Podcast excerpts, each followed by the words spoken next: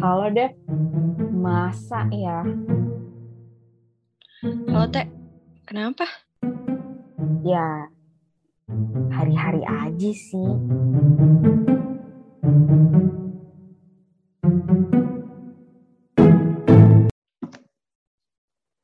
Jadi kita openingnya mau gimana nih yang episode ini? Oh iya, kemarin udah halo ya, Teh? Iya. Udah mau ini aja disamain? openingnya, Teh. Ya udah.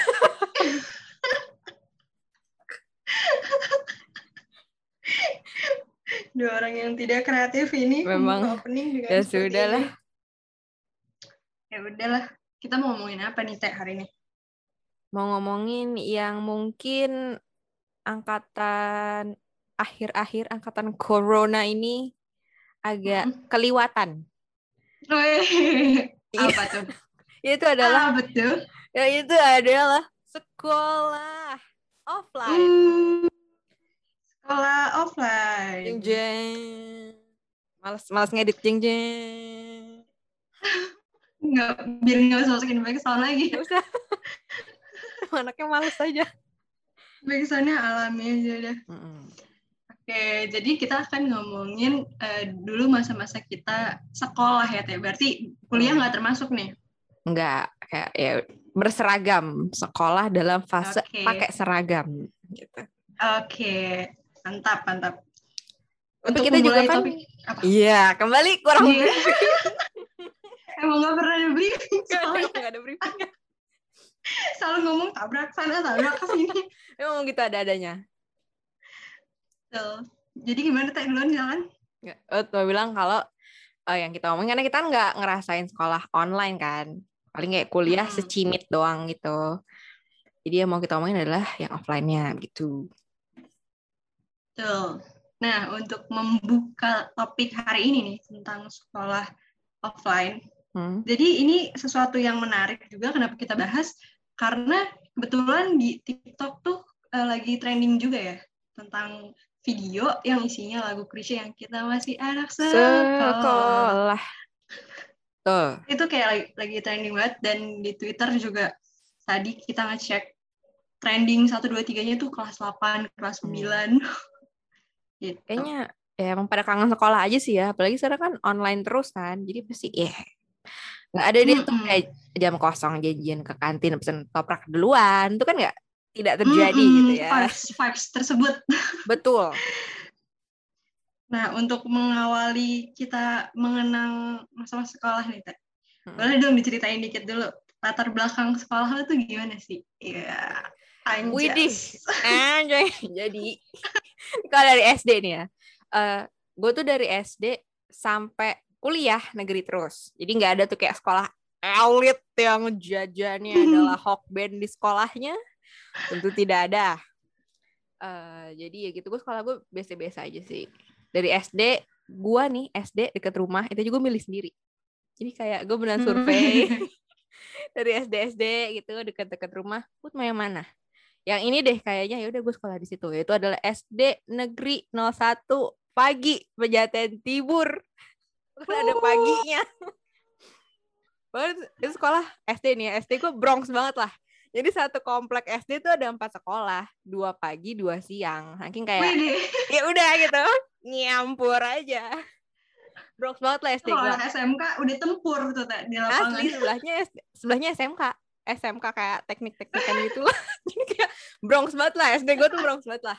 Terus kalau SMP, SMP lumayan. SMP gue di daerah gue lumayan lah. SMP Negeri 107 Jakarta. Di elit. Pejaten. Anak Jaksel nih, Anak- guys.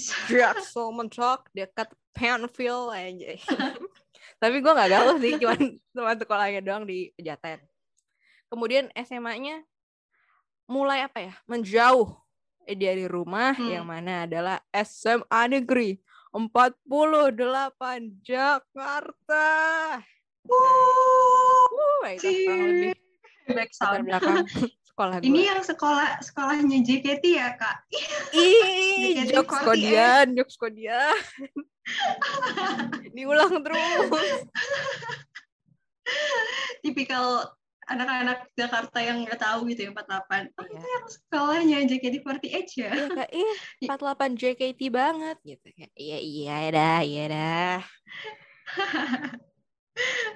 Gimana kalau diri Anda? Oke, kalau gue sama kayak Ute lah kurang lebih. Banyak sekali kesamaan dalam Iya, hidup betul. kita sebenarnya. Jadi waktu SD gue sama SD negeri juga ada titel paginya juga kok. Yang kalau dari rumah tuh cuman ya tiga menit lah kalau gue lari ala anak bocah dua menit sampai. Baik. Terus SMP gue masih di lingkungan rumah gue juga gue bahkan SMP pulang pergi jalan kaki bro. Anjas banget nggak Kayak mau tamasya gitu ya, nyamper gitu ya, Iya. bareng pulang rombongan. nyamper aduh parah banget sih terus nah SMA ini yang menarik SMA Hmm. kita bersekolah di Nah. sekolah yang sama Itu dia. Gitu. Di sekolah JKT 48. terus kalau misalnya dari lo nih hal Hmm. apa sih yang lo paling kangenin banget dari sekolah Hmm, sebenarnya sih ya, ya teman-temannya sih ya. Belajar sih gue nggak terlalu belajar ya. Gue bukan anak yang kayak, wah abis aku sangat pintar dan cerdas gitu. Ya pada saya temannya sih, karena kan kita nggak tahu gue sih secara pribadi nggak nggak beneran punya teman rumah gitu loh. Jadi teman Hmm. gue pun yang deket-deket rumah ya karena SD-nya satu SD sama gue gitu. Jadi ya cara Hmm. gue berteman ya dari sekolah itu. Kalau gue nggak sekolah atau kayak mungkin gue homeschooling, kayak gue nggak punya temen dah. Jadi Soalnya gue nggak mudah bersosialisasi gitu. Jadi kayak temen deh. Itu salah satu yang paling kayak gue kangen adalah ya ketemu temen gitu. Lalu gimana? kalau gue yang paling dikangenin sama sih temen dan vibe sekolah itu sendiri sih Hmm. kayak lu bangun pagi terus kayak diteriakin ayo sarapan ini gini gini gini Mhm. terus males-malesan tapi nyampe sekolah lu kayak happy lagi ketemu temen Hmm. sama sih cuman kalau misalnya dari sekolahnya sendiri yang paling gue kangenin adalah masa-masa gabut di sekolah Jam kosong. Jam kosong Orang mah gue paling suka belajar matematika. Gue paling suka belajar kimia. enggak enggak Tidak, kita bukan anak akademis bukan sama sekali. Tapi kalau pelajaran lo ada pelajaran favorit gak? gue oh ada nih sebenarnya sebenarnya ini mungkin adalah sebuah simptom ya gue dari SMA salah jurusan Hmm. jadi gue inget banget waktu kita kelas 10 teh kan peminatan kita ekonomi kan Oh iya yang IPS-nya. Sama sejarah sih sebenarnya. Iya. Iya Ya, benar sih, ya tapi sejarah lah. wajib kan. Iya sih. Kayak ya. Nah, si ekonomi ini kan. Terus gue inget banget waktu kelas 10 kan kita cukup struggling ya dengan gak tau Hmm. gue ngerasa di SMA tuh belajarnya bener belajar nggak kayak SMP gitu kan. Gue sebenarnya SMA terus struggling sih. Gue ranking 2 dari bawah loh. Masuk kelas 1. Sumpah ya, waktu SMA tuh kayak lu nggak remet aja udah alhamdulillah bro. Asli. Iya gak sih? Nih buat anak 48 juga nih mana vibes-vibesnya nih. 48. kayak iya kan teh struggling banget gitu loh Hmm. untuk belajar di aja. Nah kalau misalnya gue cerita uniknya gini, dulu saking struggle-nya gue tuh remet fisika, kimia gitu-gitu. Tapi untuk ekonomi nilai gue malah lumayan teh. Kayaknya mau lu salah jurusan aja gitu ya. Dari awal sebenarnya udah simptom kan kayak Hmm. lu tuh nggak harusnya nggak nggak IPA, Ya nggak di sini gitu. nggak di sini lihat Hmm. nilaimu remet itu. Hmm. Bahkan lucunya gue inget banget waktu itu ada matematika peminatan kan. Aduh neraka banget lagi tuh pelajaran. Gila itu Dua apa bener-bener nilai gue ya? Tes. itu gue gue inget banget ya waktu itu pas kelas 10 kayak kan eh, ujian gue lupa Hmm. ujian harian atau apa terus ada remetnya udah remet gue masih remet lagi teh Lu unlimited gak sih? Dia tuh kayak enggak ya udah deh kalau ada Unlimited. remet ya udah dinaikin nggak ada cuy. Nggak ada katral katral remet remet lagi remet lagi. Itu lu kayak bikin di folio gitu gak sih? Bener bener. Itu melatih juga mental gitu soalnya sih. udah udah nyontek juga masih remet. Masih remet juga. Berat banget dah tuh pelajaran kayaknya. Aduh nih, ini ini spesifik matematika peminatan ya. Gue juga punya cerita menarik nih soal pelajaran ini. Jadi waktu kelas Gimana? 10, gue tuh ke Bali, Hmm. inget nggak? Sama emak gue. Jadi dapat dari Iya, kantor inget, ke. Bali. gue kayak di tengah-tengah di tengah-tengah apa tahun ajaran gue liburan tuh. Terus ada PR sih matematika peminatan. Gue nggak bisa, gue mesti nyontek dong karena kan gue mau ke Bali. Hmm. Jadi PR itu kayak dua hari lagi, pas banget gue udah berangkat. Kayak, Terus? anjir gue gak bisa nyontek. Jadi lah gue ke tempat les nih. Itu itu guru les gue loh yang ngerjain. Gue pikir ah nilai gue 100 nih. Guru gue lah yang ngerjain. Tahu lu dapat nilai Terus? gue tujuh Berapa? enam. Cuman Ya hampir Allah. doang. Sumpah sih. Lah. Matematika, matematika peminatan tuh gokil banget buat bro-bro sekalian nih yang lo melalui itu dengan baik. Lo keren banget bro. Lu luar biasa sih. Lo keren banget tuh. Struggle-nya tuh bener-bener ada banget ya, Teh. Bahkan Gila. sampai Mau gila gue ngerjain gituan. dan gue ngerasa di lingkungan SMA kita tuh orang-orangnya cukup kompetitif kan. Heeh, benar. Udah gitu kayak banyak orang-orang anak-anak yang bimbel di saat kita waktu itu Aduh, menganggap Ya udah, gitu. bimbel mah kelas 3 ya sih? Iya, saat itu kita mikir begitu, saat Mm-mm. itu ya. Terus kayak di saat guru matematika peminatan ini menjelaskan, gue inget banget nih ada materi bangun ruang. Lo inget gak Teh? Anjir, iya itu gila tau gak sih? Ini Sumpah. dari mana sudutnya? Kamu lihatlah sudutnya yang ini. Coba dibayangin di ruangan. Anjir nggak kebayang Iya, lagi kata gue. Gu- guru kita sama gak sih? Sama, Guru bapak-bapak ini kan. kan? Siapa sih namanya? Gue lupa. Astagfirullah, Patri gak sih? Patri. Iya, iya bener. Ini gue ingetnya itu parah lucu banget. sih. Paling memorable. Nah, itu. Aduh, ya ampun, kangen banget. Gue inget banget tuh Patri ngejelasin bangun ruang itu adalah Allah. materi yang paling gak masuk di otak gue, Teh. Asli. Itu gue nggak ngerti sama sekali. Ada orang yang pinter banget ya. Gue lupa. Pokoknya adalah anak pinter ya di kelas gue. Udah nih, udah dia udah kelar. Dia Mm. ngejelasin. Hmm. Dia aja nih yang ngejelasin. Gue kagak paham dah. udah guru, udah udah temen, udah nggak ngerti dah gue. Itu orang-orang kok bisa ngerti, gue nggak ngerti dah. Parah sih, bener-bener struggle. Mungkin emang kita berdua bukan ranahnya di sains ya, Teh. ya. Kayaknya ya, gue juga akhirnya pindah sih. Nggak jadi, nggak ada hitung-hitungannya sama sekali malah gue.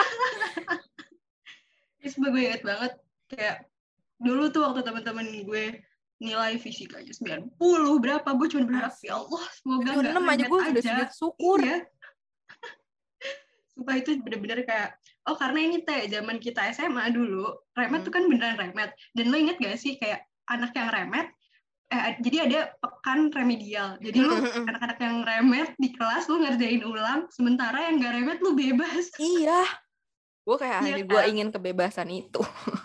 Tapi Iya, tidak gitu bisa. Terus kayak di saat teman-teman kelas gue nilai sainsnya bagus, terus kayak mereka pada kayak nggak suka ekonomi gitulah, gue malah suka gitu. Gue inget banget nih ada satu momen lucu banget. Gue saking excitednya dulu kan Mm. ada guru ekonomi cewek pakai kerudung inget gak? Ah ya tahu gue. itu bukannya nggak terlalu favorit ya anak-anak? Iya kan, Mm. kayak boring, banyak yang bilang boring atau gimana gitu kan. Iya iya. Tapi gue suka tuh bela- belajar ekonomi. Terus gue inget banget ibunya itu, jadi kan dulu layout kelasnya gue adalah 10 IPA 3. Jadi kalau guru mau ke I- 10 IPA 2 atau IPA 1 Lewat. kan lewatin kelas gue kan, iya kan. Hmm. Suatu saat lagi istirahat nih, ibunya Hmm. lewat. Hmm. Gue duduk di deket jendela, teh. Hmm. Terus gue buka jendela. Ini ulangan udah keluar belum? Gila gila gila gila gila gila. Gue nanya Habis gitu, banget. cuy. Main kayak gue bagus banget nih, gue yakin gitu ya. Iya, sumpah itu gila banget sih kalau dipikir-pikir nggak ada sopan santunnya. Wah, Iya. gue jadi anak sekolah Baru kelas satu lagi. Baru kelas 1, guru gue lewat, gue buka jendela, gue tanya. Gak even Terus lewat gue- keluar di pintu gitu, cuma nongol doang, pala lu di jendela. Doang. Sopan banget. sopan banget, nggak ada attitude. Terus karena ibunya juga cukup santai gitu ya, Hmm. dia bilang kayak, belum-belum besok ya gitu. Hmm. Terus kayak, gue, gue banget itu momen gue gak ada sopan santun sama guru. Gila gila gila gila. Untung gurunya santai ya, kalau nggak, aduh. Kalau nggak lu udah diomongin di kelas-kelas lain sih, menurut gua Mm-mm. nih. Kalau guru-guru recet kan gitu kan kasusnya satu terus kayak dioper terus udah Diomongin ya. Terus ditambah-tambahin dilebih-lebihin gitu ya. Iya itu dia. Si itu di kelas IPA 3 eh udah habis nama lo satu sekolah. Langsung diincer itu. Mm-mm. Kalau lo gimana, Teh? Ada nggak pengalaman kayak gitu? Mata pelajaran yang lo suka dibanding yang lain? Sebenarnya gua nggak suka. Ini kayak tapi ternyata ini adalah prinsip gue adalah baik. fake it till you make it. Ya. Waduh. Jadi itu adalah kimia. Hmm. Jadi kimia itu adalah gue bener-bener kagak bisa dah. Dan waktu SMP kan ya dijadiin jadi satu ya IPA gitu ilmu pengetahuan IPA. alam ada fisika biologi dan kimia nah kawan-kawan kita yang sekolahnya di sekolah Katolik sudah dipisah kawanku. Jadi mas di kimia cerdas-cerdas lah mereka gitu kan. Udah bisa ngitung Eh, proton neutron elektron tuh dipisahin dari satu elemen tuh dia udah bisa gitu. Gue kagak di ngerti. saat kita baru mengingat namanya ya, baru tahu Iya, namanya ya. gue juga kagak tahu elektron yang positif apa negatif itu gue kagak tahu. Terus secara random nih disebutlah nama gue suruh maju. Suruh misahin si proton elektron neutron sebelah kawanku yang satu lagi nih ada di sekolah katolik dia. Cerdas lah dia ya kan? Udah nih udah kelar dia udah kelar. Dalam 10 detik duduklah dia. Gue berusaha hmm, gimana tuh caranya ya? Ngelirik-lirik Ngerti dikit gitu, gitu ya, aduh dia nggak ada coret-coretannya. Dia kayak di kepalanya. Kan emang nggak perlu coret-coretan kan sebenarnya misahin itu tuh. Bener. Yang penting Tapi kok- gitu loh. gue lost aja gue completely nggak tahu gitu loh maksudnya ya gitulah intinya gue bego banget lah terus dibilangin sama gurunya saat itu aduh kamu gimana sih masa misahin gitu aja nggak bisa Zup. malu lah aku mulai dari situ gue belajar duluan bab se- bab yang belum diajarin gue belajar duluan sampai kayak Hmm. di tahap orang tuh nanya nama gue PR kimia untuk besoknya karena gue udah ngerjain jadi gue udah bisa ngejelasin gitu sampai di tahap gue ulangan kimia cuman salah satu Ah, Waduh, Habis anjay. itu tapi kelas 2 buruk lagi. gak terlalu belajar. tapi itu kebanggaan gue tuh waktu TS apa UAS ya. Gue inget banget lah cuma Hmm. salah satu gue kimia. Setelah dibilangin masa gitu aja nggak bisa. Jadi itulah prinsip gue adalah fake it till you make it my friend. Ini sebuah hal yang bagus ya, Teh. Berarti kayak lu bisa mengambil suatu hal dari segi positifnya gitu. Dari lu sakit Iya. hati, ini dibilang gitu sama guru, lu Iya, nggak, gue pas bisa, gue buktiin. aku bisa. Walaupun kayak ya kan malu ya. Maksudnya baru Hmm. kenal sama anak-anaknya. Gue kan juga solo player ya dari SMP. Gue kan nggak ada siapa-siapa gitu. Kayak, Jadi anak awal dari mana datangnya nih? Gak bisa ngejudge SMP-nya gitu ya. Iya makanya jadi gue malunya ampun-ampunan saat itu. Tapi ya gitu, fake it till you make it. Gila. Eh, tapi nih Teh, kan kayak ngomongin IPA nih. Hmm. Kita kan di SMA IPA dari kelas 10, 11, Hmm. 12. Ada nggak sih suatu hal yang kayak lu ngerasa, gue bersyukur saat itu gue IPA, atau kayak, eh, mungkin emang udah jalannya sih, walaupun gue pada akhirnya murtad ke sosum, tapi saat SMA gue IPA gitu. Ada nggak hal-hal yang lu senengin? Jadi anak IPA, dengan segala Hmm. struggle-nya ya. Sebenarnya sih nggak ada spesifik yang kayak, oh untung gue IPA. gitu. Tapi kayaknya kalau dari gue di IPS nih ya, kayaknya geografi gue bakal busuk sih. Satu itu. Terus sebenarnya pada saat ngejalanin ya gue seneng-seneng aja gitu loh. Terutama karena setelah kimia gue berasa, oke gue ada bakat gitu ya. Gue ngerasa Hmm. oke ba- akan baik-baik aja gitu sih. Dan saat itu teman-teman gue klik juga gitu loh. Hmm. Eh, dan ya ya udah gue lebih kayak ya udah nih dijalanin aja. Terus pasti kan ada nih para lu kan mikir kayak udah IPA dulu ntar lu mau jurusan apa terserah gitu kan. Nah kan ya enggak juga Uh. ya lebih baik kalau dari awal anda tentukan saja. Tapi ya sih lebih kepada sebenarnya pas gue ngejalaninnya gue oke oke aja gitu. Hmm. gitu sih nggak ada spesifik momen. Kayak alhamdulillah gue IPA gitu. Kalau lu ada? Kalau gue ada sih. Hmm. terlepas dari satu yang pertama temen itu tadi kan gue ngerasa di teman-teman gue sekarang atau ya teman-teman gue waktu SMA itu bisa klik sama gue terus anaknya asik-asik juga. Dan gue seneng karena gue pernah nyobain praktikum. Oh pakai jas lab. Lu pernah jas lab? Lo ingat gak sih teh waktu keren banget sih emang pakai pakai jas lab. Gila kan? Hmm. Ya, ini ada satu momen kelas 10 jadi eh, gini guys waktu kita awal masuk SMA itu tuh belum dipisah IPA IPS-nya kan. Terus oh kita iya ada benar tes. benar. Kita ada tes kan. Saat itu pas mau hasil tes gue bilang sama Ute eh teh gue kalau jadi anak IPA keren kali gue pakai jas lab iya iya udah. Gue Terus beneran jas dong dia iya pengen pakai jas lab dong dan menurut gue hal yang gue syukurin waktu gue SMA itu gue milih IPA adalah karena gue bisa nyobain praktikum cuy. Walaupun praktikumnya receh ya. Iya iya iya karena pas di kuliah ini pasti kan nanti praktikumnya beda dong sama Hmm. praktikum zaman SMA bakal puyeng-puyeng segala macam kan. Hmm. Jadi gue kayak punya experience aja gitu di menjadi sih, bener, anak bener, IPA. bener. Soalnya praktikum IPA SMA tuh kayak happy-happy aja gitu gak sih? Apalagi Bener, kimia yang bener, bikin bener. busa-busa warna-warni atau kayak Mm-mm. ya gitu-gitu kan paling nggak ada yang kayak wow ngitung-ngitung banget gitu nggak biasa aja. kayak eh, pas jadwalnya lu ke lab lo pakai jas lab dari kelas kan lewatin kelas Iya kayak wah anak "Hmm, IPA pakai mau aku nge-lab. lo pakai jas lab lo pernah nggak Bener, di bener, zaman itu juga. Padahal biasa aja sih. iya padahal biasa aja. Cuman kayak hype hype itu gue seneng aja sih. Iya bener-bener. Gue juga sih kalau pakai jas lab. ada Berasa cerdas aja gitu. iya aduh.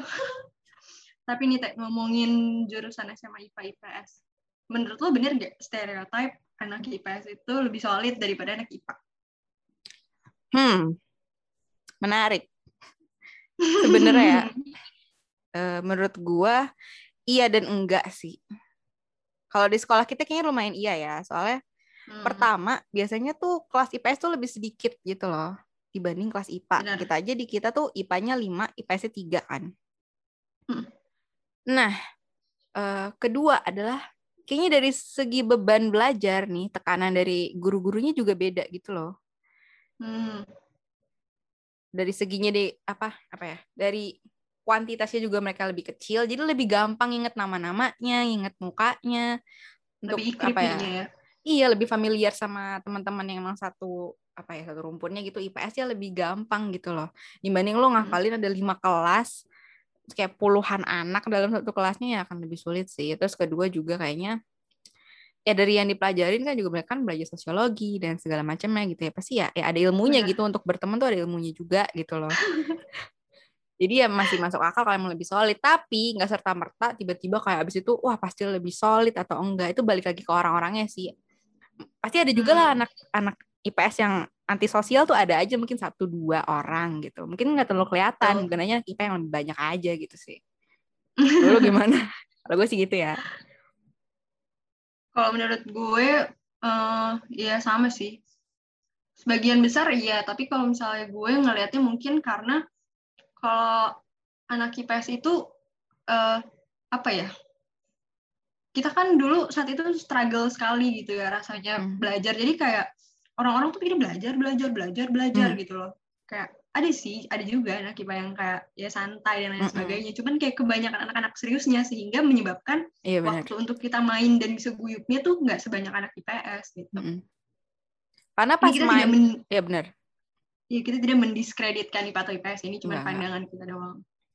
Dan apa ya pas diumumin gitu ya misalnya kayak misahin IPA IPS pada umumnya aja orang udah stereotyping gitu loh kayak, ah pasti anak IPS lebih santai gitu loh jadi apa ya Iya kita yang masih SMP ke SMA dengan stereotype itu tanpa sadar kita bawa gitu loh kayak oh ya kalau gue Bentuk ya. IPS kalau IPA gue harus kayak ah, ambis nih soalnya kayak anak IPA kan lo nggak juga gitu loh jadi Hmm. belajar aja lo main-main juga gitu tapi karena dari stereotype itu dan ya gitu sih udah kayak apa ya di, di secara umum orang tuh mikirnya kayak gitu jadi kita kebawa secara nggak sadar gitu loh Kalau gue sih mikirnya lebih ke kenapa anak IPA kelihatan ambis karena pelajarannya susah. Lu kalau nggak belajar lu nggak bisa.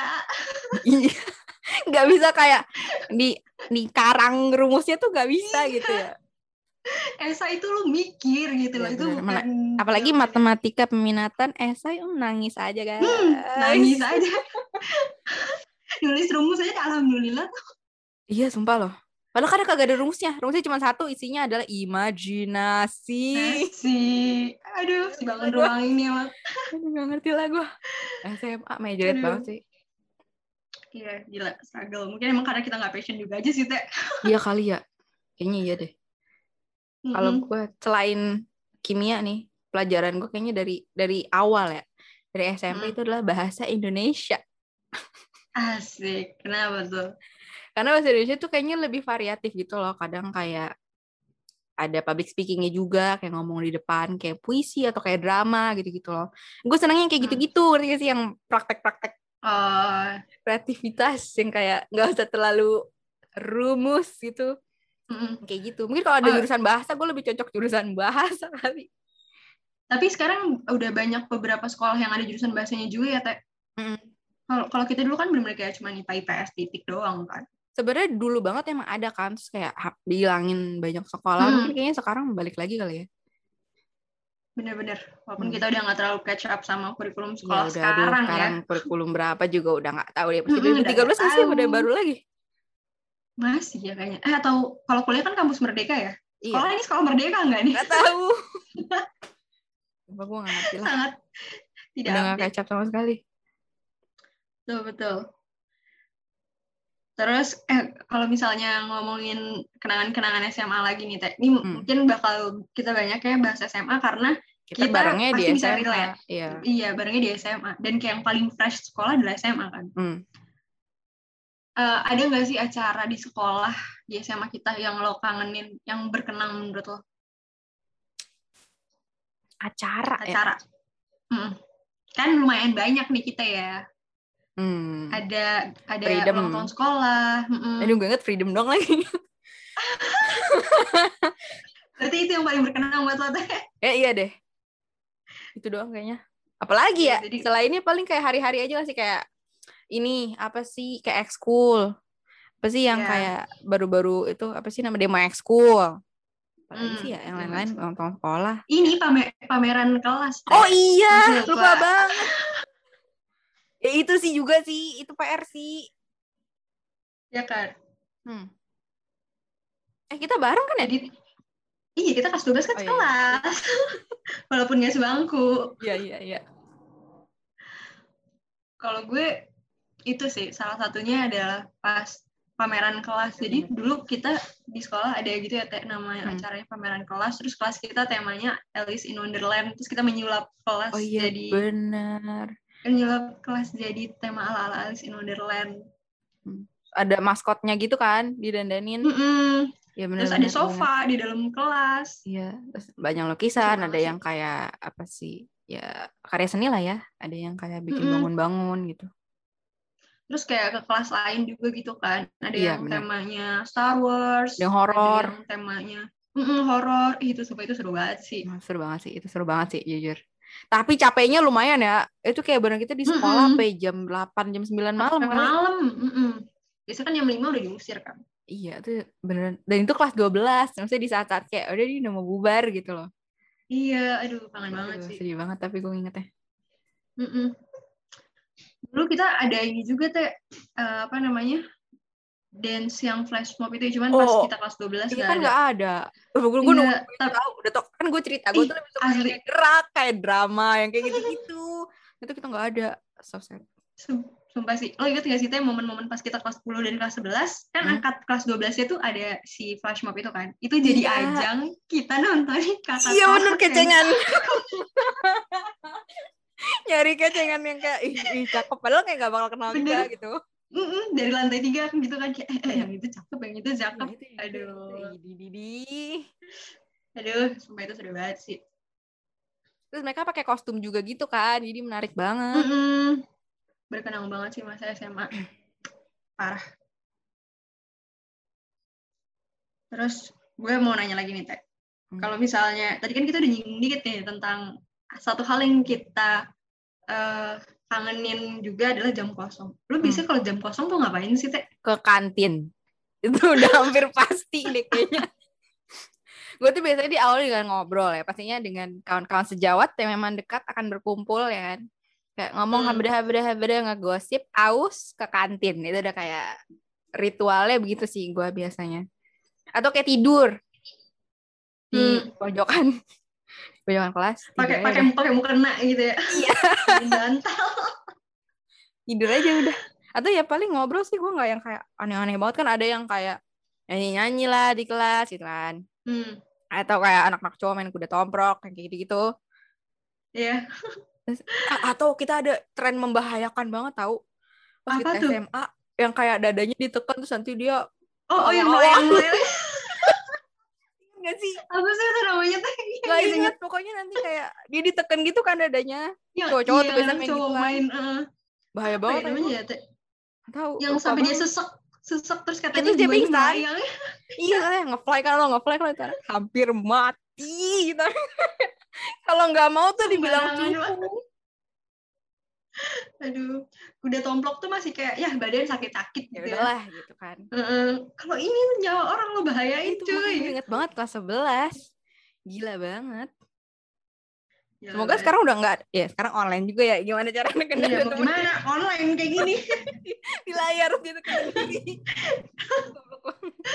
Dipandu gitu ya. Ayo ini tangan sekarang. taruh di dada. Aduh.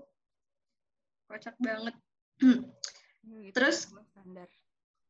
Iya, kita sebenarnya waktu sekolah kan bisa dibilang anak biasa aja gitu ya, tapi nggak yang rebel Gua juga. gua- Gua nih ya, gue makanya hampir invi- invisible dah. yang kenal gue ya emang yang pernah sekelas aja gitu. Enggak yang kayak anak gaul satu kelas satu sekolah tahu gitu. Ya enggak, Hmm. yang kenal gue yang gitu, itu doang. Nah, tapi nih Teh, ada nggak sih hal yang lo seselin baik itu kayak, ah gue nyesel nih nggak ngelakuin ini atau aduh gue nyesel nih ngelakuin ini pas zaman sekolah. Tentu Kayak, kalau banyak. ya. menyesal jadi anak baik-baik aja gitu kayak, aduh kayak gue kurang bandel deh gitu, gue kurang paham. kalau itu enggak sih, tapi gue mm, merasa kalau aja gue nggak terlalu malu dan mikirin orang bakal mikir apa soal gue gitu loh. Karena gue tuh Hmm. gue pikirin banget orang mikir gue kayak apa ya gitu. Pasti yang kayak kalau yang deket tahu gue kan sebenarnya banyak ngebacot ya anaknya, maksudnya Hmm. kayak ya gitulah. Tapi itu kalau orang nggak kenal sama gue, bener, gue beneran diem, nggak ngomong sama sekali. Even kayak halo pun gue senyum aja gue enggak karena gue takut nggak dibalas gitu pada dasarnya. Jadi kalau aja gue nggak terlalu mikirin kata orang sih maksudnya kalau aja gue mau explore diri gue lebih banyak mungkin gue ikut ekskul lebih banyak di SMA karena gue nggak ikut ekskul sama Hmm. sekali. Badminton juga gue kayak nih, ya udah aja gitu loh. Badminton tuh gue kayak berapa kali? Yang dua atau tiga kali gitu. Ya gitu sih. Kalau aja gue kayak ya udah lakuin apa yang lo pengen selama lo sekolah gitu sih. Ya gitu karena gue kebanyakan ya? mikir itu sih yang gue seselin paling. Hmm. I see, I see. Hmm, Kalau lo ada? Apa ya yang gue sesalin? Oh, gue nyesel ini sih.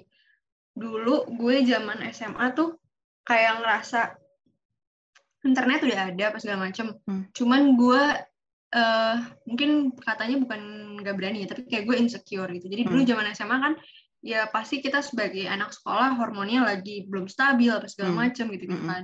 Sehingga waktu itu gue tuh sempet kayak jerawatan gitu lah. Hmm. Dan itu kayak membuat diri gue sebenarnya insecure banget gitu. Karena ya emang lumayan gitu kan. Hmm. Dan gue tuh nggak tahu gitu loh kayak ini harus tiap eh, harus gimana gue nyesel Oh. kayak gue harusnya mencari tahu lebih eh, jauh lagi gitu loh karena skincare itu apa ya kebutuhan kan sebenarnya kayak lu mandi Hmm, aja gitu hmm. ya lu harus mandi dan gue ngerasa skincare juga ya kan sama kayak lo mandi lo juga harus ngebersihin kulit muka gitu dan Hmm. kayak dulu nyokap gue tuh bahkan gue baru pakai sabun muka tuh kayaknya kelas 8 di saat kayak kelas 7 kan muka lu eh, masih bagus nih gitu ya dari Hmm. SD baby face masih mulus-mulus gitu terus kayak zaman kelas 8 udah mulai eh, apa namanya mukanya berminyak apa segala macam dan gue nggak ngerti gitu ini gue Hmm. harus ngeliat muka gue kayak gimana gitu dan gue ngerasa kalau misalnya dulu gue lebih ngerti gitu tentang skincare apa segala macam mungkin kayak gue bisa lebih apa ya lebih nggak terlalu musingin juga gitu loh. Karena dulu Hmm. kayak gue bingung kan ini gimana. Bahkan sampai akhirnya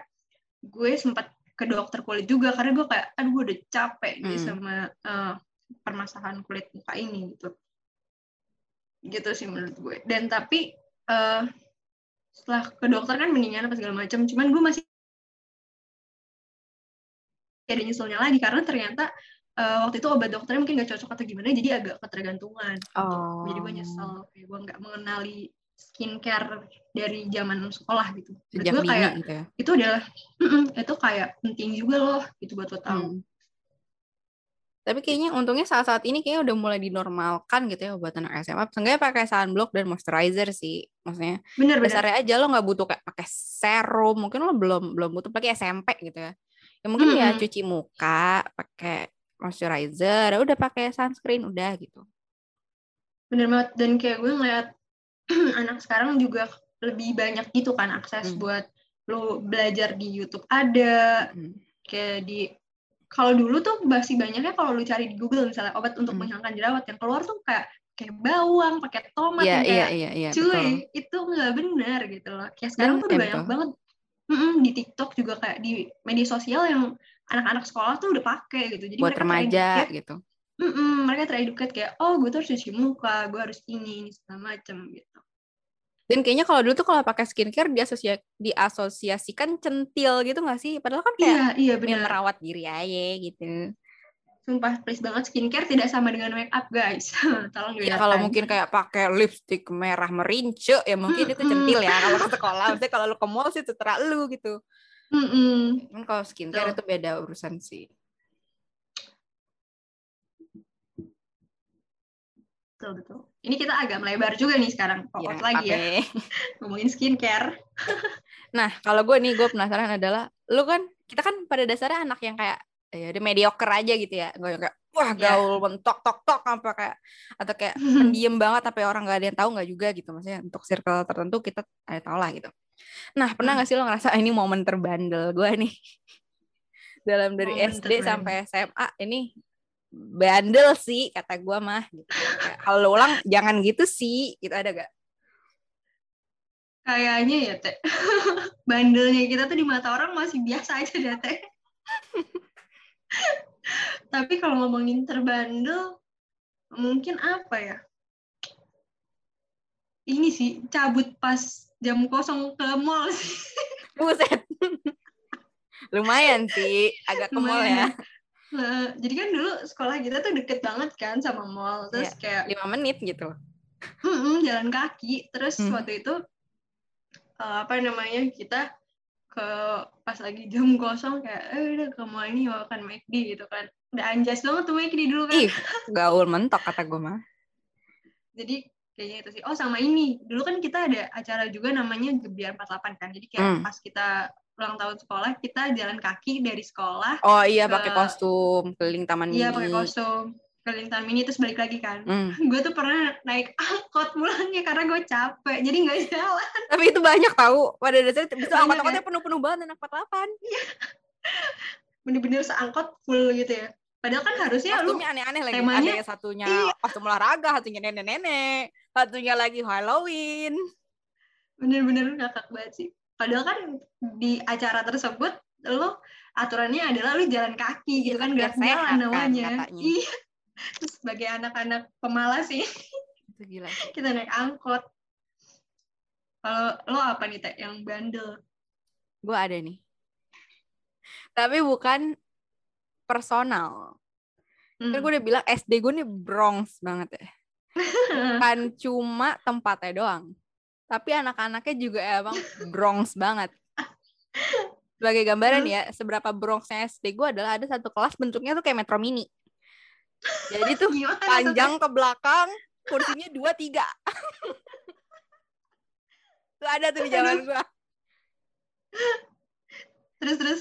Jadi si kelas ini isinya tuh anak-anak bandel banget terus kayak ada guru baru nih ceritanya. Guru baru lulus yang mana adalah masih muda bukan? Dibanding guru-guru yang lain tuh masih muda banget karena guru gue tuh kebanyakan tuh udah mau pensiun gitu lah guru-gurunya di angkatan Hmm. gua. Ada si guru baru ini. Masuklah dia di kelas metro mini gua kan. Hari pertama tuh dia nggak didengerin sama anak-anaknya. Udah gak ada yang terus? dengerin jadi dia ngajar ngajar aja udah besoknya nih minggu Hmm. depan ya. Satu kelas ini bandel banget sih ini kalau ibu Juju yang ngajar di SD 01 pagi. Denger ibu saya mohon maaf ya bu. Jadi itu beneran kayak kenakalan. dia lagi ngajar nih. Terus kita janjian kita mau kayak semi tawuran di dalam kelas. Jadi dia lagi ngajar. Astagfirullah. kita lempar-lemparan bola kertas satu kelas. Jadi kayak itu chaos. Satu kelas lempar-lempar kertas ibunya keluar nangis. Ya Allah bandel banget bocah. Kelas berapa itu teh? kelas 4 SD terus ya udah kita baru adalah anak alim kan pasti ada ya di kelas mungkin nggak semuanya Hmm. nggak semuanya gembel lah anak kelasnya ada yang baik gitu. Barulah si cewek-cewek ini keluar gitu tiga anak ibu maafin kita ya bu gitu gitu gitu. Terus kayak ibunya masuk lagi mukanya udah merah. Terus kayak gue terus pas gue ngeliat muka guru ya gue merasa nggak bener sih teh ini terlalu bandel. Itu sih kalau gue boleh ulang gue nggak mau ngikut perang kertas itu sih Tapi jujur kalau dipikir-pikir kayaknya emang guru SD tuh bebannya bukan di ngajarnya ya teh, tapi menghadapi iya ngatur bocah-bocah ini apalagi nggak ada akhlaknya SD ini iya astagfirullah. Sebagai biasanya tuh SD-SD negeri yang agak bo isinya bopung ya teh kayak SD kita. Iya, isinya tuh aduh ya Allah, ada yang jualan. Di SD tuh ada aja gitu loh. Aduh, iya sih sumpah guru SD mana kayak apalagi kalau kelas anak kelas 1, ntar ada yang ngompol. iya ada lagi nih gue ada nih SD gue pokoknya Aduh SD gue tuh kelakuannya aneh-aneh deh pokoknya jadi kelas Hmm. SD kelas 1 gue tuh disuruh nyampul sendiri sama emak gue nah kan Hmm. anak-anak lain kan disampulin ya uh licin-licin lah tuh sampul sampul bukunya kan Hmm. gue suruh nyampul Terus? sendiri kata emak gue nyampul aja sendiri biar bisa oh hancur lah tuh sampul gue kelas 1 tuh bener-bener kayak gak ada bentuknya lah kayak lecek, Hmm. sini robek terus ditanyain sama gurunya Ibu, Utari yang nyampul bukunya siapa ya? Terus kata mak gue, dia sendiri bu. Terus kata gurunya, oh sampulnya jelek ya. Terus kata gue, baru kelas satu loh ini gue. Udah Mental udah dikatain jelek. gitu lah. Aduh. Tapi untuk guru-guru di seluruh Indonesia, terima kasih banyak ya Bapak Ibu. Benar-benar kayak sabar Sabar. atas ilmunya. Mm-mm. Terlebih yang ini sih, apalagi guru-guru di pelosok kan pasti kayak, bahkan anaknya mau sekolah aja tuh dijemput kan. Iya sih, itu bener. Dan Perjuangannya lebih- banyak Mm. sih buat para guru-guru di seluruh negeri ini. Tapi gue sempet kayak ngeliat juga di tadi jadi kayak polemik di saat kuliah online sekarang gitu ya.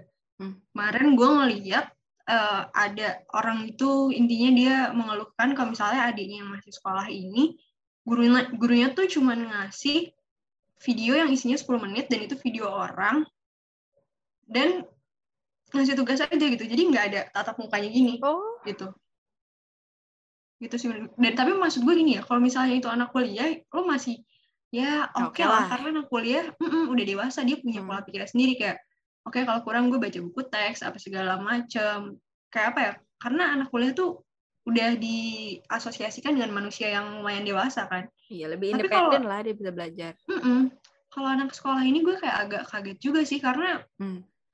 belum ada kesadaran oh gue harus belajar nih Iya, benar. jarang banget gak sih Dan kayaknya ini kan sekolah online kan apa ya dipaksa gitu kan keberadaannya bukan yang Mm-mm. kayak organik emang udah di udah diatur gitu.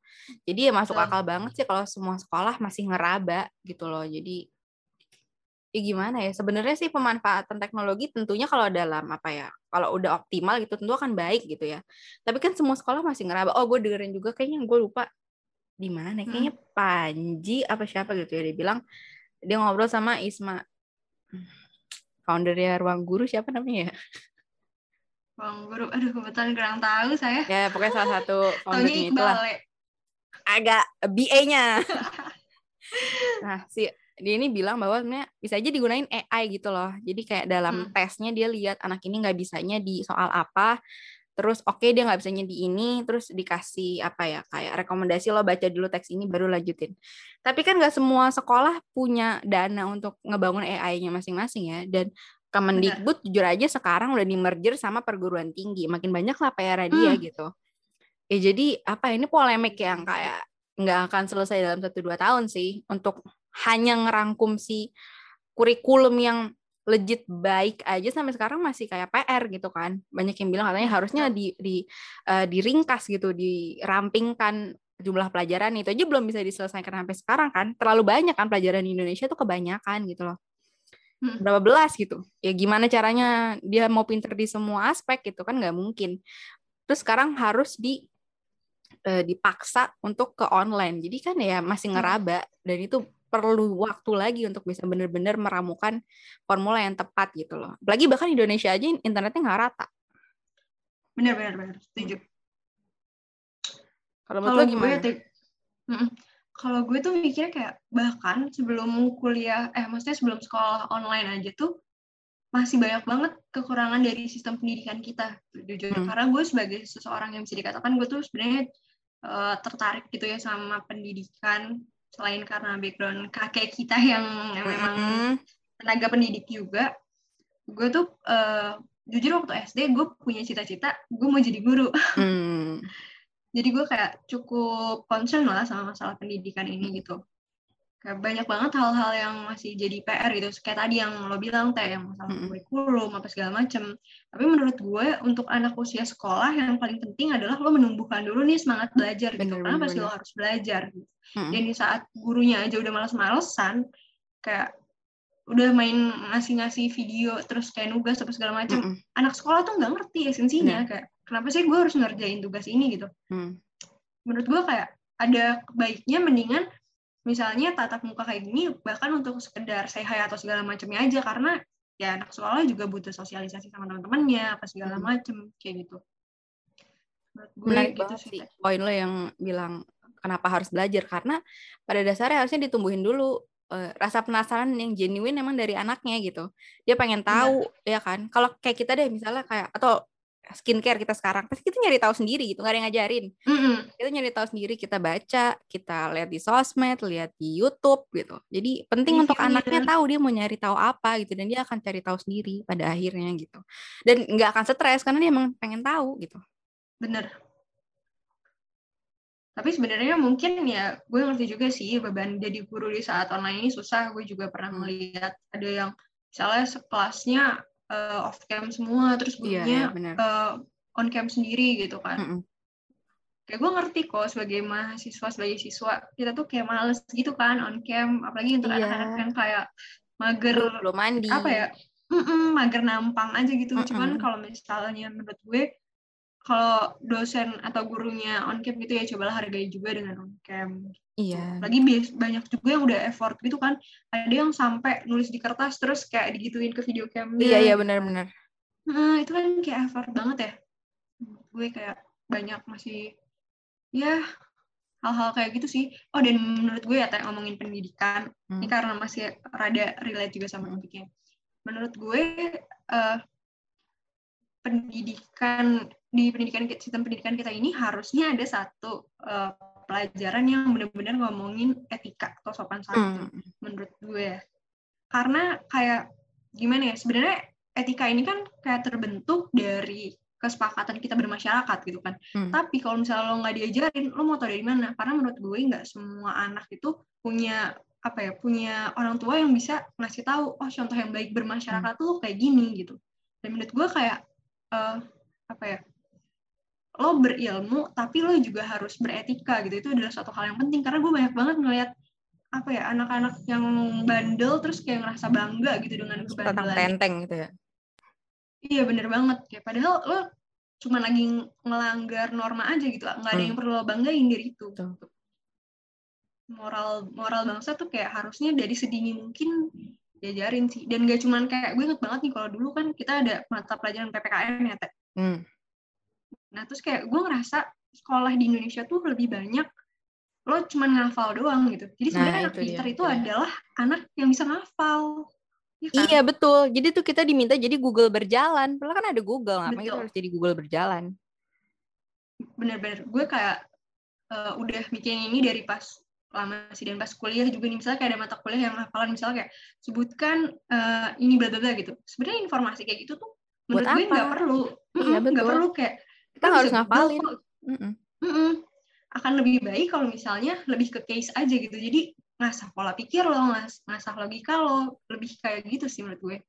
Dan critical thinking sih itu yang penting kan. Maksudnya mengkritisi kenapa begini, kenapa harus begitu dan ini juga sih mungkin ya kembali lagi ya, ya tenaga kerja eh tenaga pendidik kita kan juga nggak banyak ya. Maksudnya yang mau Hmm, jadi guru banget. belakangan ini juga terus menurun gitu kan. Ya, jadi gue masuk akal kalau misalnya memang guru-guru pada capek atau mungkin kayak overwork gitu karena mungkin dia satu Hmm, guru wah enam kelas gitu megang enam kelas kelas? mm-mm. ya eh, masuk akal kalau memang dia nggak bisa ngejawab kayak mungkin anak yang kritis banget gitu mungkin dia nggak bisa jawab ya masuk akal gitu Eh, tapi balik lagi dulu kan kita ada tuh guru BK masuk ke kelas kita kayak cuman sejam atau satu setengah jam doang gitu. Sebenarnya itu bisa jadi baik kalau emang apa ya kembali lagi sih gimana cara formulasi kelasnya gitu karena kalau cuman Oh. dengerin guru BK-nya nyuap-nyuap jadi etika itu Hmm, lala banget.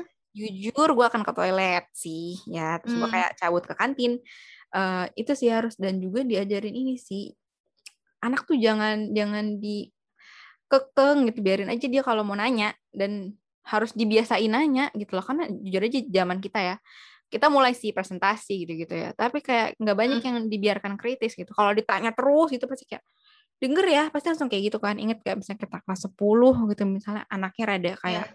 kenapa Bu saya harus ngerjain PR gitu. Langsung kayak Iya. kamu harus harusnya kan kayak ya Hmm. dijawab kenapa kamu harus mengasah eh, apa yang kamu tahu. Jadi ibu tahu kamu paham atau enggak di sekolah. Kan jadi kalau masuk Bener. akal anaknya oke oke. Dan gitu sih harus apa ya? Ya itu tadi critical thinking si anak-anaknya ini biar nanti juga juga dia juga nggak cuma ngafal gitu dia bisa ya bisa apa ya bisa Memperhatikan. memperhatikan dia juga mau dengan sukarela belajar gitu dan bisa apa ya buat hal baru nggak cuma sekedar ngafal terus ya udah lo salin lagi di kertas lo gitu Bener banget. Kayak mungkin bisa aja sistemnya bukan satu arah gitu. Sekarang emang udah Iya. banyak juga sih yang dua arah. Cuman kayak misalnya bisa dikasih study case gitu. iya FGD Atau, lah gitu misalnya sekelas gitu mm, FGD. Terus ya dibawa fun aja gitu. Hmm, Topik eh, moral dan etika ini dibawa fun aja. Jangan Hmm. kayak, jangan kaku banget kayak, oh kamu harus eh, terhadap orang dewasa kita harus sopan. Itu kan kayak, iya kan itu soal- SD anak banget SD. iya Hmm, anak SD buanglah gitu kan. sampah pada tempatnya tapi kayak Mm-mm, buangnya kayak- di kali Mm-mm, menurut gue kayak eh, anak gitu ya, apalagi kayak usia perkembangan kan sangat seperti sponge ya, jadi mudah banget menyerap nih. Kenapa nggak dicoba ditanemin hal-hal yang emang udah apa ya, udah praktikal banget gitu. Misalnya buanglah sampah pada tempatnya. Berarti oke pas lagi pelajaran tentang kesehatan, misalnya ayo kita eh, bersih-bersih kelas ya, ini segala macam. Daripada kayak cuman diajarin nih gambar sapu, ini namanya sapu, fungsinya untuk ini kayak oke gitu loh. Menurut gue gitu sih. ya gue juga setuju soal itu sih poin itu poin soal ya etika gitu Betul, betul. Walaupun sebenarnya di kuliah udah ada banyak mata kuliahnya, tapi menurut gue di kuliah tuh emang lebih apa ya, lebih mengasah kita ke tingkat yang Yang lebih- mempergunakan eh, apa ya bukan expert juga sih. Ya lebih apa ya berpikir dengan benar lah. Betul. Kalau sekolah tuh masih kayak cenderung teori aja. iya itu dia problem kita sih sebenarnya anjay. Tapi kayak bener ngafal aja di sini tuh ngafal gitu. Hmm, bener banget. Kayak ya udah lu kalau mau ulangan ya ngafal aja gitu. Mm-mm. bahkan ya abis itu mungkin lo kayak dua tahun lalu sudah lo nggak ingat lagi apaan gue nggak tahu karena gue ngafalin doang. Bener-bener banget. Menurut gue itu sih kayak sebenarnya untuk menguji kognitif seseorang nggak cuma dari memori kok gitu loh. Mm-mm. Si banyak hal lain yang bisa gimana dia betul dijadiin gitu. mengatasi masalah Gila, gitu. sih itu dia poinnya Kita jadi membahas sistem edukasi gitu. luar biasa padahal siapalah diri ini Mm-mm, kayak yang bener aja lo berdua. iya gue SD perang kertas gue Tapi nih Teh, kalau misalnya ngomongin eh, lingkungan sekolah ya, kan lo sebagai anak Jakarta Selatan, di Ah, latar gue. belakang Jakarta Selatan. hmm. Terus pas SMA nyebrang nih ke timur. Hmm. Ada nggak sih yang lo ngerasa kayak eh, culture shock ya? Walaupun di Jakarta kan banyak juga tuh Hmm. yang kayak oh anak eh, selatan lebih gaul kan stereotipnya gitu ya. Hmm. Anak timur bopung-bopung ngalai. Hmm. menarik Gimana teh? sebenarnya kan gue pindah sekolahnya juga dalam ting apa ya tahapannya beda gitu kan. Gue SD SMP-nya di Jakarta Selatan SMA-nya di Jakarta Timur. Sebenarnya mungkin kalau dari pergaulan gue juga nggak bisa terlalu ngebandingin ya karena pergaulan SMP ke SMA aja udah beda gitu kan. Mau lo Jakarta Selatan mau benar. lo Jakarta Timur akan beda gitu. Yang bisa gue bandingin ya paling kalau gue ketemu sama teman-teman eh, S- SMP gue gitu sih. Eh Hmm. ya teman deket gue salah satu sih ada yang di 28 ya ya adalah kayak unggulan gitu kan di sini. Salah satu unggulan salah 8 sebenarnya kurang lebihnya sama aja sih terutama juga 48 bukan sekolah yang bobrok juga gitu di timur dia lumayan Hmm. lumayan dipandang lah gitu kalau dari segi pergaulan ya paling tempat gaulnya aja sih tapi kan pada dasarnya Mhm. anak timur juga ngegaulnya di Jaksel ya Iya, karena kita 48 tuh bukan timur yang pojok banget mana gitu, bukan ya Teh. Timur yang Iya. ya gitu sih tapi kalau dari SMP ke SMA hmm, nggak tahu sih. Gue nggak bisa ngebandingin apple to apple karena itu dia tingkatannya beda. Oh ya ngerti-ngerti. Nah, jadi gue nggak bisa kayak ah ini beda banget. Gitu. kalau gue ya tes sebagai basis jaktim banget nih bro. Hmm, dari awal. dari awal. Kayak banyak banget kan stereotype jaktim alay apa segala macem. Gue mungkin ngebandingin lah SMP gitu. Gue sama lo nih teh gue anak jaktim dan anak jaksel. Ah, Kalau SMP bisa nih. bisa nih Betul masuk kan? nih gue ngerasa kayak ada benernya juga sih maksudnya Hmm. alaynya tuh da- dalam artian gue sering mengatakan kalau anak alay itu adalah sebenarnya anak gaul tapi lo ketinggalan Telat aja. aja. gitu iya telat aja Bener. jadi kayak dulu nih zaman UT sekolah tuh eh, ngetren sevel inget kan teh Oh iya. Dan di pejaten udah Nah. duluan. Dan di Pejaten ada duluan dulu Hmm. saat gue SMP ke sevel tuh anak gaul banget Iya bener. Dan lu, eh, lu sempet sama gue dulu gak sih sebelum itu gaul di timur? Maksudnya di gaul di Bener. sekolah lu. Lu ke Sevel bareng gue dulu di pejaten di sekolah gue. kayak apa ya di zaman gue SMP tuh kayak sevel agak telat gitu Mhm. di saat kayak anak-anak Jaksel udah punya tren A nih, anak Mm-mm. Jaktim masih kayak belum tahu tuh, belum terekspos dengan tren-tren tersebut gitu, Oh iya, itu rada iya sih. ya kan? Atau Dan kayak mungkin musik. karena, ah itu juga, itu juga, musik kan dulu tuh K-pop tuh gue duluan gue sempet K-pop duluan kan waktu SMP kayak Dream High lalala Hmm. kata lu kayaknya masih pop Melayu dah masih ungu iya asli, iya, itu dia. Ya, sebenarnya rada telat dikit doang sih cuman kayak belum Mm-mm. tahu ya Kayak apa ya, one step behind aja gitu loh. iya telat aja nggak jamet-jamet banget kok Mm. cuman telat doang Padahal masih lingkup Jak Jakarta gitu ya. hmm. sama ini sih teh dulu tuh yang kenangan banget gue zaman SMP yang ngebedain SMP gue nih sama SMP lo kayak zaman gue SMP itu lagi eh, sering banget kayak misalnya eh, apa ya oh ini zaman gue SMP tuh lu kalau misalnya suka-sukaan sama zaman pacaran-pacaran nih Mm, mm. gue inget banget dulu Uta di SMP cerita di SMP-nya kayak ada yang ditembak terus dinyanyiin lagu di tengah lapangan Iya, bla, bener. bla, bla.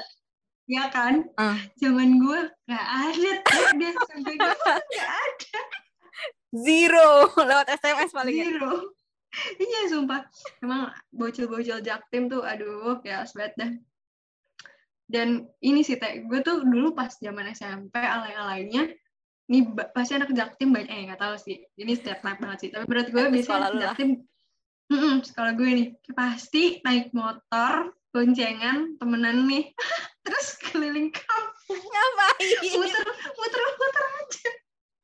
Anjir. apalagi kayak dulu kalau misalnya sama temen gitu ya naik motor berdua. Terus kayak lewat depan rumah gebetan tuh kayak dia seneng aja gitu teh kayak aduh berharap dia ada gitu di depan rumahnya. Berharap dia keluar. Dan lu cuma lagi naik motor aja gitu sama teman-teman lu gitu ya. Dalam sekelebat waktu lu aja. berharap kecengan lu ngeliat gitu ya. iya ya Allah udah pada jam 12 siang itu muter-muter panas. Lu ngeliat gebetan kagak makin hitam iya lu makin kagak di notice Kalau itu apa sih ya? yang menurut gue Kalau gaul nih, Beda. ini kayaknya Mm. cukup relate deh seangkatan sama kita. Gaul waktu SMP adalah kalau lu pakai tasnya Kipling, terus pakai BB, Waduh, pakai Converse tipis. Nah, lu gaul maksimum. pakai kombonya. Pakai behel belah tengah. Nah, tiap 10 menit lu benerin rambut lo. polem polem Combo gaul saat SMP. Tapi gua enggak lagi. tapi tapi mungkin itu combo gaulnya Jaksel teh karena Oh iya sih. gue dulu nggak jarang nih pakai kipling kayaknya Kayak bahkan gaul lu jipon ya. itu gaulnya tuh beda gitu definisi Hmm. gaul kita gitu oh terus ini sih kangen banget zaman SMP dulu pakai BBM kan dulu anak Jaksel udah pakai BBM nih udah melewati masa apa yang emot-emot BB Oh iya iya, gitu iya iya iya. anak Jaktim baru mulai Tapi iya sih. Tapi gua nggak sempet pakai BB lagi. Gue selalu Android soalnya kan mahal ya. Kayak iya sama Yaudahlah. lagi ya ampun. Gue cuma ngeliatin temen gue terus kayak apa broadcast message gitu gitu kan. Terus kayak ping ping ping gitu. Ping ping ping. Gaul banget lu gitu. Tapi ya udahlah. Bentar doang ini. Cuma satu tahun apa. Bener-bener. Tren banget tuh zaman SMP BB kan. Iya. Terus kayak nge-share pin temen gitu. Kayak eh, Eh, pin gue iya ya. add ini dong gitu gila sih sebenarnya pada akhirnya semua tren akan berlalu sih ya Teh. Iya. Tergantung mental lu kuat nggak untuk dibilang nggak ngikut tren. Mm-mm, benar. Apalagi zaman itu kan kayak gaul adalah segalanya. Tapi buktinya kita bisa survive ya Teh, Iya, melewati lebih tren kayak- tersebut tanpa mengikuti. Iya, ya udahlah gitu. Emang lo nggak ada pin BB lo berapa? Nggak ada. Ya udah gitu. Pakai WhatsApp aja udah berasa keren karena kan tadinya SD SMS-an ya Teh. Iya, udah pakai WhatsApp aja, wih gila gaul banget nih gue. Udah pakai chat, pakai internet.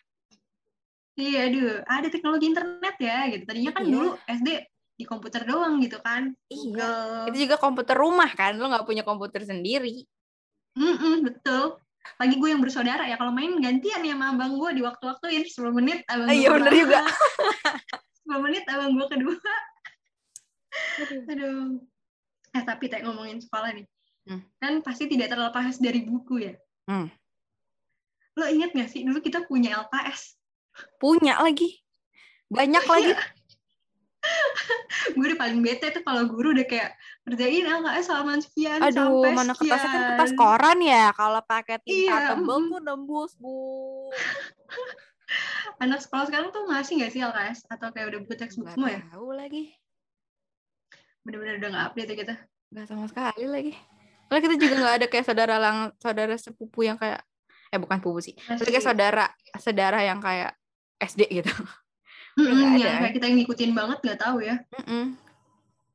Berkenang banget sih LKS sekolah, aduh. Aduh, aduh, aduh. Nggak ngerti deh gue. Oh, dulu ini sih. Transisi lo adalah gaul adalah kalau buku catatan lo udah pakai binder. Wih, bener sih. Ya Karena kan? kan waktu itu anak sekolah pasti buku, Buku kampus tulis. ya. Tahu kan? Iya. yang, Yang kertas disapu merah. coklat. Bener-bener. Oh, ini teh yang nggak bisa dilupain lagi dari sekolah adalah bimbel pas lu mau masuk kuliah. Ah, itu juga. Aduh, gue kangen banget masa-masa itu. Tapi gue setiap bimbel gue memorable sih. Maksudnya dari Oh, SD lu bimbel gak? Eh, SD ya, tapi pas mau masuk SMP doang kelas 6. Gue tuh salah satu orang yang gue yang pengen bimbel, tapi nggak dikasih. gue Biar bimbel tuh ya, biar Teh? kayak bisa ngomong gitu ke temen gue, eh hari ini gue les lagi tapi nggak bisa karena gue nggak dikasih les. Karena emang belum butuh nggak sih? iya kata mak gue belajar sendiri aja, ya ya udah belajar sendiri. Karena gue les tuh pengen main gitu, karena teman-teman gue les. Biar kayak ada kesibukan lah waktu kecil gitu ya, tapi gue kagak dikasih. Terus SMP, oh SMP gue lumayan memorable nih gue, karena gue SMP ambis banget. Hmm. Eh, UN SMP tuh gue beneran yang kayak kalau jam kosong gue tuh ke bimbel. SSN nih. Zaman banget SSN ya, ternyata masih ada emang. Hmm, Udah dihapus dari lama sih, Teh? Makanya sekolah standar nasional buat yang nggak tahu. ya gitu, jadi kalau ada jam kosong nih, gue ke tempat bimbel. Karena tuh bimbelnya tuh deket banget sama sekolah gue. Jadi gue cabutnya Hmm. les, coy. Terus kayak gue berebutan Uh. guru les sama anak SMA. Akhirnya tuh guru tuh favorit banget. Jadi kita mau tambahan, anak SMA mau tambahan. Oh gila deh ambis banget gue SMP tuh ke SMA. Pas UN gue ambis itu saat gue ambis, saat gue bersinar. Masa-masa bersinar. Ya sisanya gue nggak ambis sama sekali. Udah titik lo langsung turun kurvanya ya. Di SMP gue tuh, iya SMP gue tuh ada kelas unggulannya. Hmm. Di rotasi setiap masuk. satu semester. Gue gue bisa kelas Hmm. unggulan tuh waktu itu karena nem, eh, nem SD gue lumayan lah. Kan nggak Hmm. pakai tes lagi ya, jadi cuma nem doang. Ya udah gue kelas unggulan lah tuh. Udah tiga semester doang habis itu gue keluar udah nggak pernah masuk lagi. udah kenal ekskul, udah kenal main, udah gue nggak masuk kelas unggulan lagi. Nah kalau lu nih Aduh. bimbel, Gue Hmm. SD tuh bimbel sama guru SD gue sendiri. ada emang gurunya aja pengen cuan kayaknya. Tapi emang saat itu kayak gue mikirnya karena enaknya isinya adalah teman-teman gue teh gitu Iya, teman-teman sekolah dia gue. makanya gue mau les karena temen-temen gue les tapi gue gak dibolehin Nah terus waktu SD tuh eh, gue bimbel sama guru eh, SD gue yang kayak oh, gue inget banget tuh bimbelnya di rumah gurunya. Tapi emang gurunya tuh ngajarnya enak banget sih. Dan Hmm. gue ngerasa kayak ya saat gue SD itu gue lebih cocok sama gurunya tersebut. Sebenarnya bukan guru gue sih, jadi gue kelas kan ada kelas A, kelas B gitu. Gue kelas B, gurunya kelas A, jadi kayak ya udah gitu. terus habis itu gue inget banget tuh kenang-kenangan zaman bimbel SD adalah setiap pulang gue mikirin mau jajan apa ya nih habis bimbel Emang beli niat? tuh biasanya gue beli otak-otak di dekat rumah guru tersebut terus kalau SMP oh ini lucu lagi jadi kebetulan SMP gue itu bisa dikatakan bukan top kelas Hmm, pada levelnya ya jadi pada masanya. lumayan hmm, anak-anak bopung ini teman-teman SMP ku kalau denger udah lah guys kita udah mengakui aja guys Amini aja. Masa depan kalian Terus lebih cerah dari SMP kalian kok. terus kebetulan gue ini bimbel kan kelas 9 terus ya sama kalau lah lagi ambis juga gitu. Gue bimbel di suatu bimbel yang isinya anak-anak yang di atas sekolah gue yang misalnya boleh dikatakan misalnya eh, sekolah gue tier tuh lah dia tier one-nya gitu. Hmm. Terus kayak ya udah. Terus gue inget banget gue les hari Selasa Kamis ya teh. Hmm. Kamis kan pakai batik. Batik gue beda sendiri teh. Enak banget tuh rasanya. sumpah gak enak banget sih. Terus itu zaman SMP tuh inget banget terus kalau SMA eh, ini paling yang paling gue kangenin sih Hmm. pas SMA tuh ki- kita berdua ya kebetulan bimbel di satu bimbel yang cukup terkenal dengan slogan cara kerja otak Ah itu dia. Tapi nggak tahu sih. Belajar Tapi gue bentar banget otak. sih. oh iya pas itu doang itu terlalu ya. memorable di gue. Nah, kalau gue kan dari awal kelas 12 ya. Terus di bimbel ini tuh yang membedakan, aduh ini mungkin orang udah langsung tahu tapi udah nggak tahu ya. Hmm. Jadi tuh kita ada namanya progress, Hmm. guys. Buku progres. Jadi eh, setiap habis try out itu soal-soal kita pindahin ke buku progress, kita tulis cara yang benernya gimana. Itu berkenang banget karena pas kelas 12 gue inget banget di kelas anak-anak bimbel tersebut kayak malah pada gunting-guntingin itu, nempel-nempel ngerjain. Sebenarnya kadang gue ngerjain apa ya nih progress progress. Gue inget banget. itu seru banget sih. Hmm. Dan waktu itu kan pas intensif tuh kita tiap hari ya udah nggak sekolah dan kita intensif di tempat bimbel. Iya iya. iya. Terus gue sama teman-teman bimbel gue kayak ke Mall Cijantung saat itu. Ya, gaul. bimbel gue gaul. Aduh itu seru banget sih kayak lo ngerjain progres, motong-motong, terus kayak ngejar-ngejar gurunya buat jadi tuh konsepnya gini teh kalau misalnya ada yang lu nggak tahu nggak bisa lu isi di buku progresnya lu harus minta tanda tangan sama gurunya ya kan Hmm. terus kita kayak janjian gitu eh ayo progres bareng progres bareng itu momen sih menurut gue Gitu. Kalau SMA les gue kayak gitu dong. Tapi kan lo akhirnya les di tempatnya sama sama gue kan. Nggak Hmm, sih. Tapi beda sih ya. Gue beneran cuma Beda intensif intensif SBM doang. Jadi anak-anaknya jujur aja ya. Kalau yang dari awal tuh emang anaknya ambis-ambis kan. Kalau yang Iya, emang ambil les itu dari awal tuh anaknya ambis-ambis gitu loh. Gue les itu deket rumah gue yang mana adalah berarti di Pejaten. Di Pasar Minggu cabangnya. Banyak anak-anak yang lain lah yang anak-anak ambis, kayak anak-anak 28 yang emang ya, top tier-nya lah anak-anak SMA di situ. Ya udah dari Hmm. awal gitu. Jadi dia nggak sekelas sama gue. Jadilah gue di bimbel itu sekelas gue tuh anak-anak yang kayak ya udah be aja gitu loh sekolah-sekolahnya. Hmm. Di titik itu adalah gue ngerasa oh, gue lumayan cerdas nih.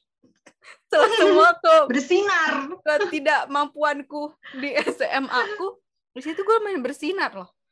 Karena Hmm. di situ juga gue gak bersinar. Nah itu lagi gue ada kayak apa ya kepercayaan diri gue bisa belajar dengan baik gitu sih. Jadi gue jadilah gue ambis lagi karena gue ngerasa "Oh, kayaknya gue bisa nih gue itu sih itu doang yang gue Hmm. dari les SMA sisanya ya udah berlalu begitu saja. Hmm, oke teh ini udah lama juga nih kayaknya kita ngobrol. Ya, kayaknya. sudah waktunya kita berhenti? Sepertinya untuk topik sekolah? Segini dulu aja kali ya. Ya dulu ya. Buat teman-teman yang mau komen-komen seperti biasa langsung aja di anak-anak ya. Iya langsung di hit aja. us. Iya, siapa tahu ada yang tiba-tiba kayak, ah gue inget tuh yang lo omongin Iya. tadi masa-masa ini. Nah, kayak mau share juga. Gue lebih gue juga ada nih yang lebih kocak atau lebih memorable gitu. Boleh langsung. Di PC-in aja Betul. anaknya Oke guys, kalau dari gue sekian. gue juga sekian. Sampai jumpa di episode selanjutnya. Dadah. dadah